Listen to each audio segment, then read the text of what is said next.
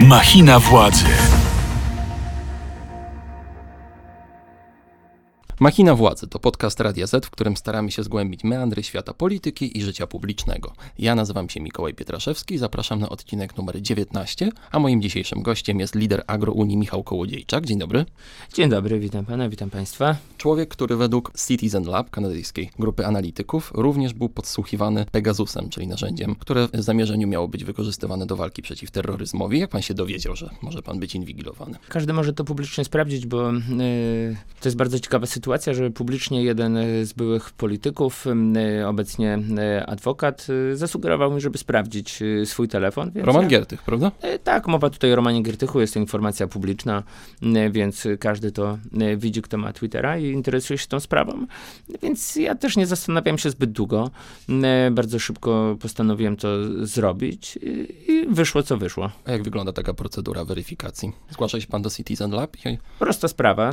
Trzeba zrobić backup telefonu, czyli pobrać wszystkie informacje, y, które, które na nim były zapisane y, i wysłać do odpowiedniej pracowni, która to robi. No w tym przypadku Citizen Lab. Trwa to kilka minut, bardzo prosta procedura i możemy sprawdzić też y, w tej sytuacji od razu zapis telefonu poprzedniego, bo to też wiele fejków, że ten telefon mam zbyt młody i on, on był kupiony później niż był Pegasus. No Kołodziejczak to jest człowiek, który miał Pegasusa zanim jeszcze miał telefon. Za chwilę takie memy będą. Jako Chucku Norrisie. Tak, tak, dokładnie. No. Wspomina pan o y, tutaj spekulacjach czy doniesieniach y, prawicowych mediów. Portal w Polityce y, zasugerował, że pan tutaj mija się w zeznaniach. Wie pan, to nie są prawidłowe media, to są szmatławce, które po prostu są narzędziem w rękach władzy, używane do tego, żeby ta władza nigdy nam się nie skończyła i żeby w tym kraju nigdy nie było normalnie. To jest, chyba obrażamy wszystkie inne media, mówiąc o tym, że, że to w ogóle jakiekolwiek media.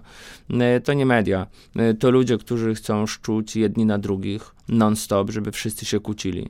Rozpowszechniają te e, fake newsy, e, za co będą mieli sprawy sądowe, a my może trochę zarobimy. Kiedy pan po raz pierwszy pomyślał sobie, że coś może być nie tak, że może pan być podsłuchiwany? Kiedy pan pierwszy raz nabrał podejrzeń? Bo mówimy o, przypomnijmy tylko o okresie tygodnia, 16-23 maja 2019 roku. Tak, ale wie pan, y, to też y, jest tak, że człowiek, który zaczyna robić to wszystko od zera, budować ruch społeczny, w każdej chwili y, ja miałem takie, takie wrażenie, że ktoś może słuchać, podsłuchiwać, czasem jakieś trzaski w telefonie.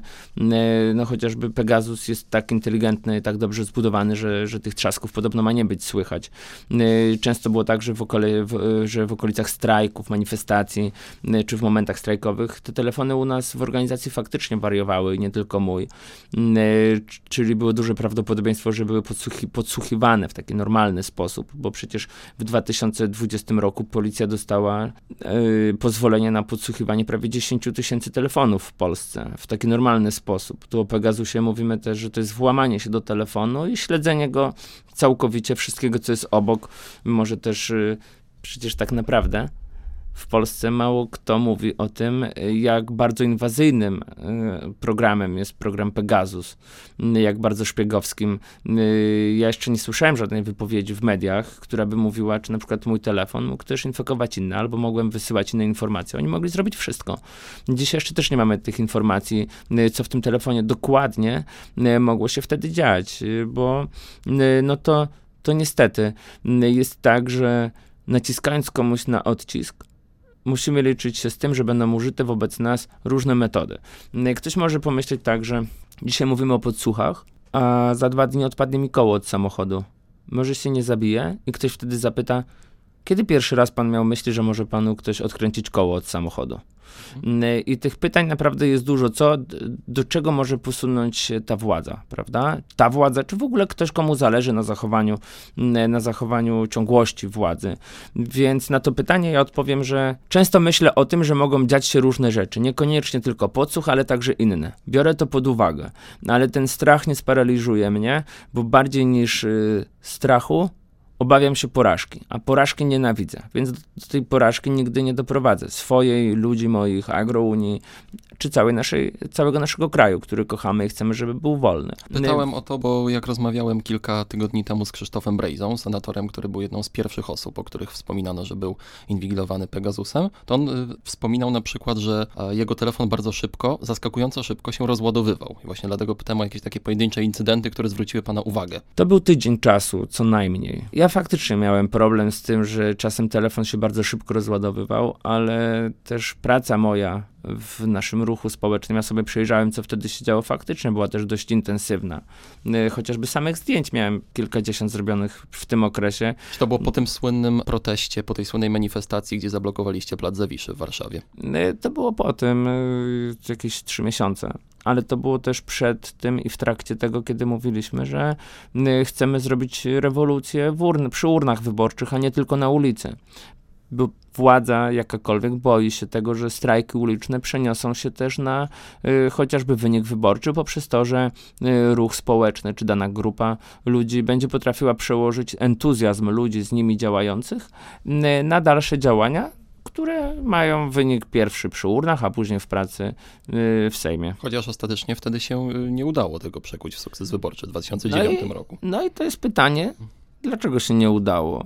Bo później się działo kilka różnych rzeczy, kiedy ludzie właśnie zwra- zwracali uwagę, że ktoś się nami interesuje, jakieś służby, y, ktoś coś o nas mówił w negatywny sposób na temat podsłuchów, szpiegowania. I to jest właśnie pytanie, jak duży wpływ tego oprogramowania Pegasusa miał wpływ na nasze działania, na wynik wyborczy, na potencjalne nasze niepowodzenie i powodzenie PiSu. Bo to jest najciekawsze wszystko. Bo jeżeli takie rzeczy są robione normalnie, ja też jestem za tym, silne państwo musi mieć służby. Ale jak ta informacja wtedy w czerwcu mogła wybiec do polityków, którzy byli wtedy w Sejmie? W ludzie to mówili. A ma pan podejrzenie, że mógł w pana otoczeniu działać jakiś kret? To trochę tak samo jak z tym podsłuchem w telefonie. Trzeba się liczyć z tym, że może być ktoś, kto sprzeniewierzy się albo pójdzie inaczej działać. Ja starałem się dobrze dobierać współpracowników, ale co jakiś czas pojawiają się różni ludzie, którzy oferują jakąś pomoc, mówią, że mogą coś zrobić. Oni są przeze mnie bardzo szybko odsuwani. My mamy swoją sprawdzoną grupę, ale ja nie mogę wykluczyć, że na przykład Prawo i Sprawiedliwość chciało wmontować jakieś swoje wtyczki w tym, co my robimy, żeby mieć też wpływ na decyzje, czy później być blisko podejmowania ważnych decyzji. To jest niesamowite. M, Mało kto wie w Polsce w ogóle, jak wygląda taki proces tworzenia ruchu politycznego od samego zera. Naprawdę pojawia się bardzo dużo ludzi, różnych ludzi. Weryfikacja jest ograniczona od samego początku, no bo ograniczone są środki m, finansowe, z którymi trzeba, którymi trzeba dobrze zarządzać. Więc ja liczę się z tym, że różni ludzie mogli być. Słuchasz podcastu Radia Z. Jak się właściwie żyje ze świadomością, że taki nieproszony gość czy nieproszeni goście mogli, się, mogli panu towarzyszyć w najbardziej intymnych sytuacjach? Z rodziną, czy na przykład na mszy w kościele, No w nie jest, banku? Nie jest to, panie redaktorze, komfortowa sytuacja, no bo to jest życie prywatne, każdy chciałby je oddzielić. No ale co mogli podejrzeć? Mm, Oni, jak byłem w banku i negocjowałem jakiś kredyt, y, czy płaciłem rachunki, no mogli to zrobić. To jest o tyle niekomfortowe, że oni mają do tego wszystkiego dostęp. Tutaj bardziej mnie to irytuje. No, mogli podejrzeć mnie Jarosław Kaczyński w łóżku, no, no to popatrzył pewnie jak śpię zmęczony. Tylko, że to pokazuje też taką rzecz, przesuwanie granicy. Dzisiaj coraz mniej ludzi zaczyna to szokować, bo zdajmy sobie sprawę. Oni szpiegowali rolnika, działacza społecznego, człowieka, który robił coś uczciwie. Mieli swoje służby, policję, prokuraturę, które mogły mnie sprawdzać. Ja bym się bardziej na tym skupił, bo moje osobiste wrażenia y, takiego wstydu y, są bardzo daleko przesunięte. I tutaj akurat mnie oni y, w żaden sposób, mnie to nie, nie zaboli, tylko przesuwanie tej granicy i zrozumienie, że to, to jest, panie redaktorze, bardzo nienormalna sytuacja. Wchodzenie z komuś do życia, granie nie fair, y, używanie zasad, do których my nie mamy dostępu. To przecież gramy na jednym meczu. To trochę tak, jak byłby mecz piłkarski 11 na 11 i nagle dana drużyna y, ma dwóch dodatkowych piłkarzy dwóch bramkarzy i mniejszą bramkę. No ekstra, no grajmy. Ta metafora piłkarska się bardzo często pojawia, o tym też mówił Krzysztof Brejza właśnie, jak e, rozmawialiśmy, ale znów nawiążę do niego, ponieważ e, istniały podejrzenia, że właśnie on na przykład mógł się stać celem inwigilacji właśnie dlatego, że wcześniej ujawnił aferę związaną z premiami e, członków rządu. Pan też ma poczucie, że mógł czymś zajść za skórę Prawo i Sprawiedliwości, że jest pan jako przywódca ruchu społecznego również y, grupującego osoby mieszkające na wsi, rolników, ale też małych przedsiębiorców, jakimś rodzajem takiej soli w oku, że może pan na przykład odebrać PiSowi część elektoratu? Motywów jest według mnie co najmniej kilka. Pierwszy to taki, że Agrounia jest bardzo blisko wyborców PiSu i jest to taka siła y, polityczna, która ma potężny potencjał w odbiorze tych wyborców. Nie jest w stanie tego zrobić Donald Tusk, Szymon Hołownia czy inni zabetonowani politycy, którzy chcą y, krzykiem, hałasem przekonać wyborców wyborców Prawa i Sprawiedliwości albo taktyką antypisu. To się wypaliło, to nie działa. I nagle pojawia się Michał Kołodziejczak, który ma całkiem inną taktykę. Który Już pan też krzyczy na wiecach. Wiece to są wiece. Do ludzi mówimy, a ten krzyk, który my mówimy, jest im też bardzo bliski i trafia do nich. To jest też bardzo często język argumentacji, który ci ludzie rozumieją. Jest taka sytuacja, że pojawia się taki człowiek, który jest zagrożeniem. Dzisiaj przecież Jarosław Kaczyński nie boi się Donalda Tuska. Dzisiaj Jarosław Kaczyński nie boi się y, tych, którzy odbijają się od ich elektoratu jak piłeczka ping-pongowa od paletki, ale boją się tych, którzy mają potencjał im o, odebrać całkiem sporo. I to jest ciekawe, bo Agrounia jest taką siłą. A idziemy dalej, panie redaktorze. Biznes i polityka są bardzo blisko. Agrounia jasno mówi, że przeciwstawia się dużym korporacjom, które w Polsce przejmują handel, produkcję żywności, yy, przewóz tej żywności, niekontrolowany przywóz do kraju. Na tym się bardzo dużo zarabia. To jest bardzo niewygodny zawodnik. I po, popatrzmy na to z tej perspektywy. Prawo i Sprawiedliwość ma jak, nie wiem jakie, jakiekolwiek profity z tego, że te firmy mogą ciągle to robić. Nagle pojawia się gracz, który mówi, tego nie wolno robić. To oznacza też stratę dla tych, którzy ten PiS mogą w jakiś sposób wspierać więc tego zawodnika trzeba jak najszybciej usunąć. I ja wiem o tym, y, że polityka z biznesem są zblatowani bardzo mocno w tej chwili w Polsce. I to była też walka właśnie za Grounią, nie tylko polityczna, ale także i w wymiarze gospodarczym. To jest też o tyle ciekawe, bo mówi pan o tym właśnie zagrożeniu, które możecie stanowić dla PiSu jako ruch, który próbuje im e, zagrozić z innej strony niż pozostali przeciwnicy, e, ale z drugiej strony jesteście nieuwzględniani w większości sondaży. No tak. Jak już ale... się pojawiacie, to rzeczywiście osiągacie nawet 3, nawet y, pojawiły się sondaże, gdzie przekraczacie 5% i bylibyście bardzo istotnym graczem w, w kontekście późniejszego rozkładu głosów, czy to koalicyjnych, czy opozycyjnych, ale faktycznie większość y, pracowni badawczych nie ujmuje was w sondażach. No nie, nie, nie ujmuje, bo to pokazuje wielką słabość opozycji, która nie zrozumiała, że trzeba mieć dostęp do tych wyborców, nie tylko ten, który oni mają tego krzyku antypisu, ale też taki, który jest ich bliżej.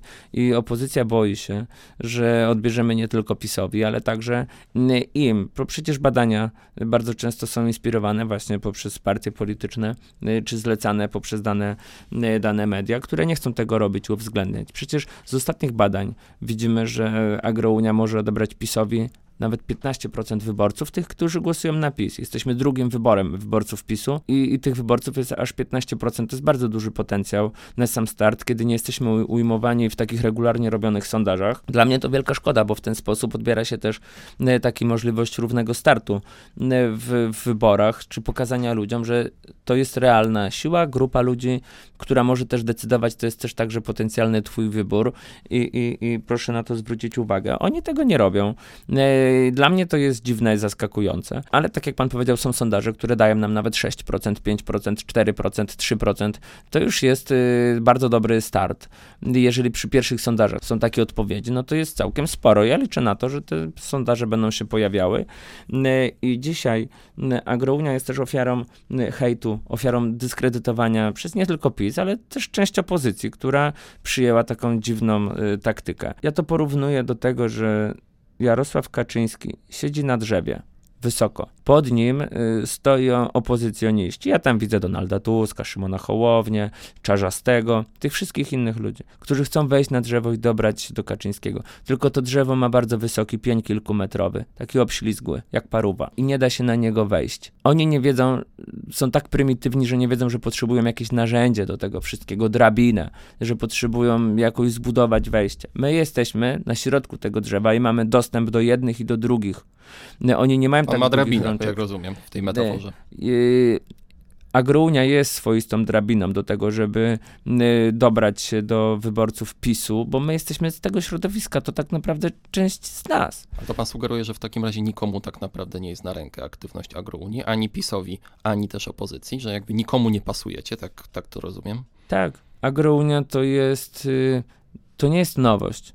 To jest nowy standard polskiej opozycyjności. To jest całkiem inna jakość. To jest wyższa jakość polskiej opozycyjności. I przecież ta opozycja tego się boi. Ludzie już są znudzeni tym powtarzaniem wszystkich frazesów, które znają od y, 7 lat, a tak naprawdę od 15 czy od 20, gdzie, gdzie ta wojna popisu trwa, na tak naprawdę wcześniej trochę miłości. Więc y, jesteśmy zbudowani na takich dwóch personach, które ciągle, y, ciągle czymś się przerzucają, a ludzie chcą czegoś innego i opozycja to wie, i PiS to wie ale też jest tak, że przecież lepsze jest stare, niedobre, tak jak Kargul z Pawlakiem, no lepiej Mhm. stary wróg, stary sąsiad niż jakiś nowy, bo już się znamy i to tak samo, u nas jest dokładnie to samo, więc każdy inny będzie, będzie spychany na bok. Słuchasz podcastu Radia Z. Rozumiem, tak wnioskuję z pańskiej wypowiedzi, że raczej jeżeli e, będą wybory, czy to w konstytucyjnym terminie, czy ewentualnie przyspieszone, to raczej wystartujecie sami, a nie przyłączycie się do jakiegoś większego sojuszu. Wie pan, my robimy wszystko, żeby wystartować samemu, żeby mieć własne listy. Ale moim celem nie jest tylko i wyłącznie jakiś taki bardzo prosty, łatwy uzysk polityczny. Moim celem jest to, żeby w kraju było normalnie, żeby ludzie mogli normalnie pracować, żeby ludzie z Solarisa y, o, mogli dostać te 5% podwyżki, o które się upominają, żeby ludzie w mediach dobrze zarabiali, żeby media mogły normalnie pracować, y, żeby w mediach ludzie mogli mówić to, co myślą, a nie tylko to, co muszą, y, żeby telewizja publiczna była normalna.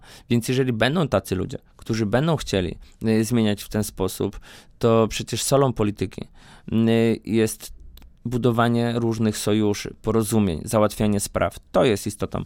A ja właśnie widzę, że dzisiaj istotą polskiej polityki jest obrona własnych szyldów. To jest w ogóle dzieci nada. A czym jest dla pana PSL?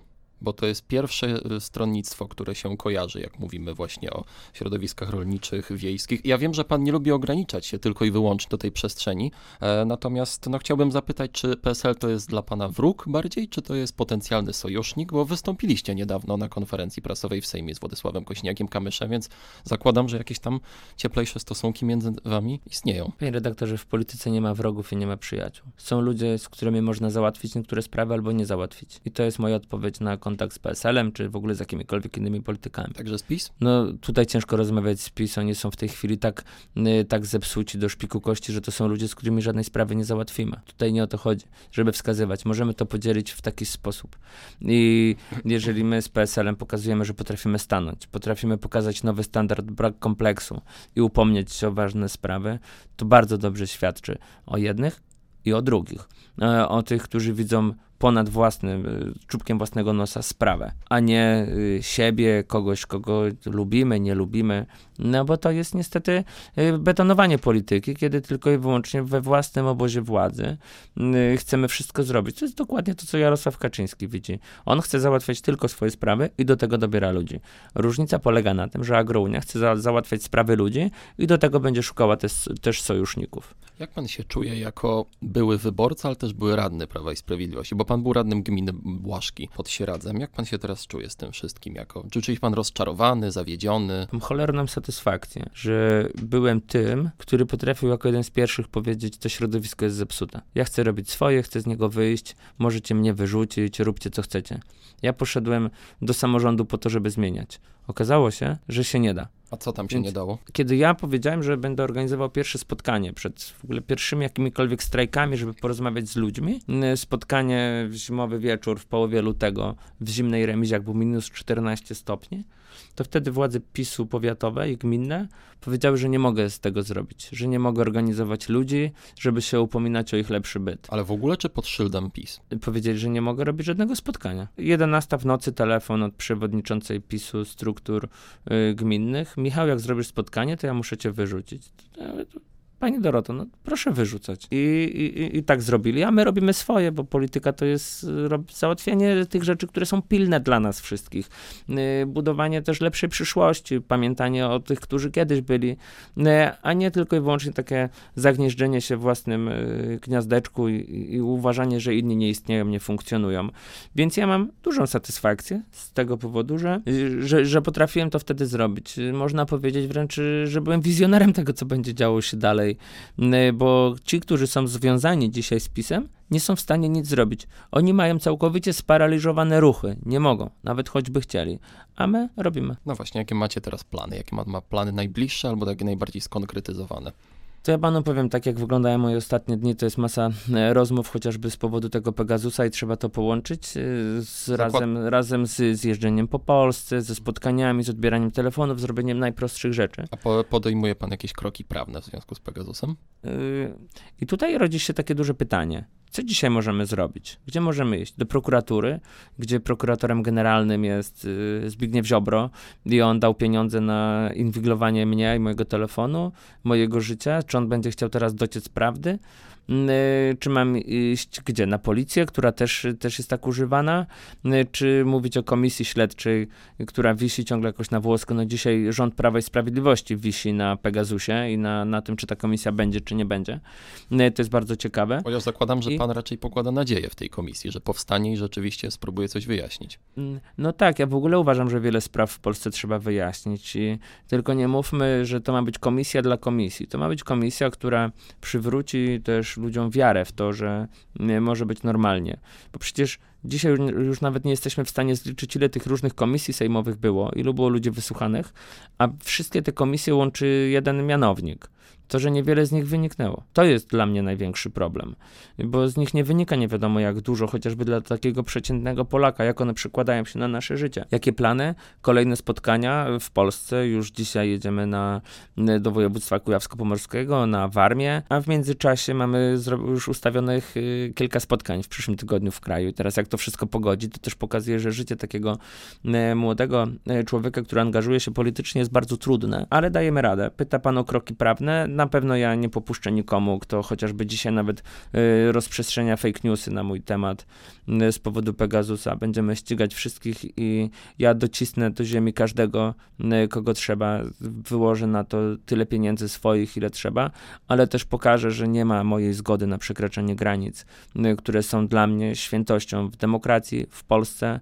to mój dziadek walczył o normalny kraj, mój pradziadek, mój pradziadek budował w Polsce szkoły, był inicjatorem budów dwóch szkół, walczył o edukację właśnie w taki sposób, budował na wsiach szkoły. I dzisiaj my mamy to wszystko stracić, bo e, Polską rządzą ludzie, którym zachciało się podsłuchiwać innych i ich szpiegować, bo oni mają taki, taką chęć rządzenia nie wiadomo po co. Czy spotka się pan z komisją senacką w sprawie Pegasusa? Tak, spotkam się.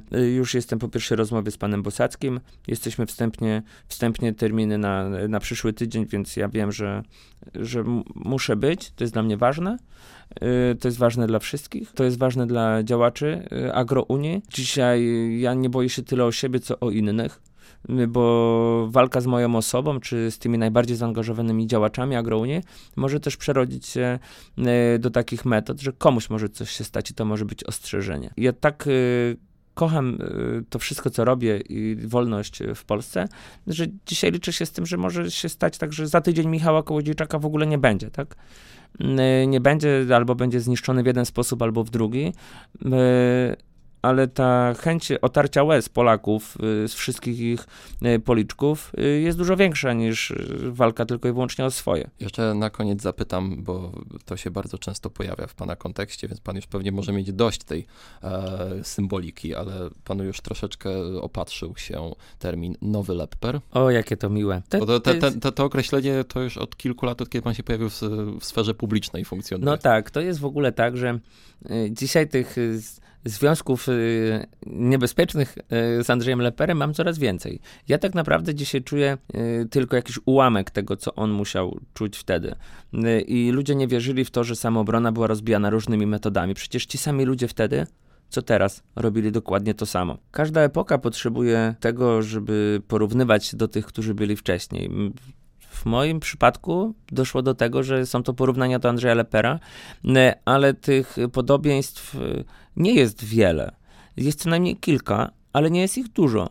Y, dużo ludzi mówi, że to jest odwaga. Dużo ludzi mówi, że to jest właśnie środowisko, z którego pochodzę. Ale są też rzeczy, które. Rozmach protestów. Które różnią. Y, y, ludzie mówią, ja tutaj nie chcę być jakąś samochwałą, ale ludzie, których nawet ja znam i znali Andrzeja Lepera, mówili: Michał, ty to wszystko, co Andrzej Leper przechodził, tą ewolucję, zmianę w ciągu kilkunastu lat, ty przeszedłeś w ciągu trzech. Potrafiłeś się odnaleźć w tym środowisku. Kiedyś te procesy w ogóle w polityce zachodziły dużo wolniej, było więcej czasu. Było to dynamiczne dynamiczne. Dzisiaj proszę zwrócić uwagę na to chociażby poprzez pryzmat agrounii, ile stało się dla nas w ciągu trzech lat. To, to, to jest sprint na długości maratonu. Czyli o Michale Kołodziejczaku jeszcze usłyszymy. Pewnie tak. Dziękuję w takim razie za rozmowę. Tym akcentem kończymy odcinek 19. To był podcast Machina Władzy Radia Z. Ja nazywam się Mikołaj Pietraszewski, a moim dzisiejszym rozmówcą był lider AgroUnii, Michał Kołodziejczak. Dziękuję serdecznie. W następnym odcinku spotka się z Wami Błażej Makarewicz. Tymczasem słuchajcie nas na Spotify oraz na playerze Radia Z. Ja dziękuję za dzisiejszą audycję. Do usłyszenia. Machina władzy. Więcej podcastów na player radioz.pl.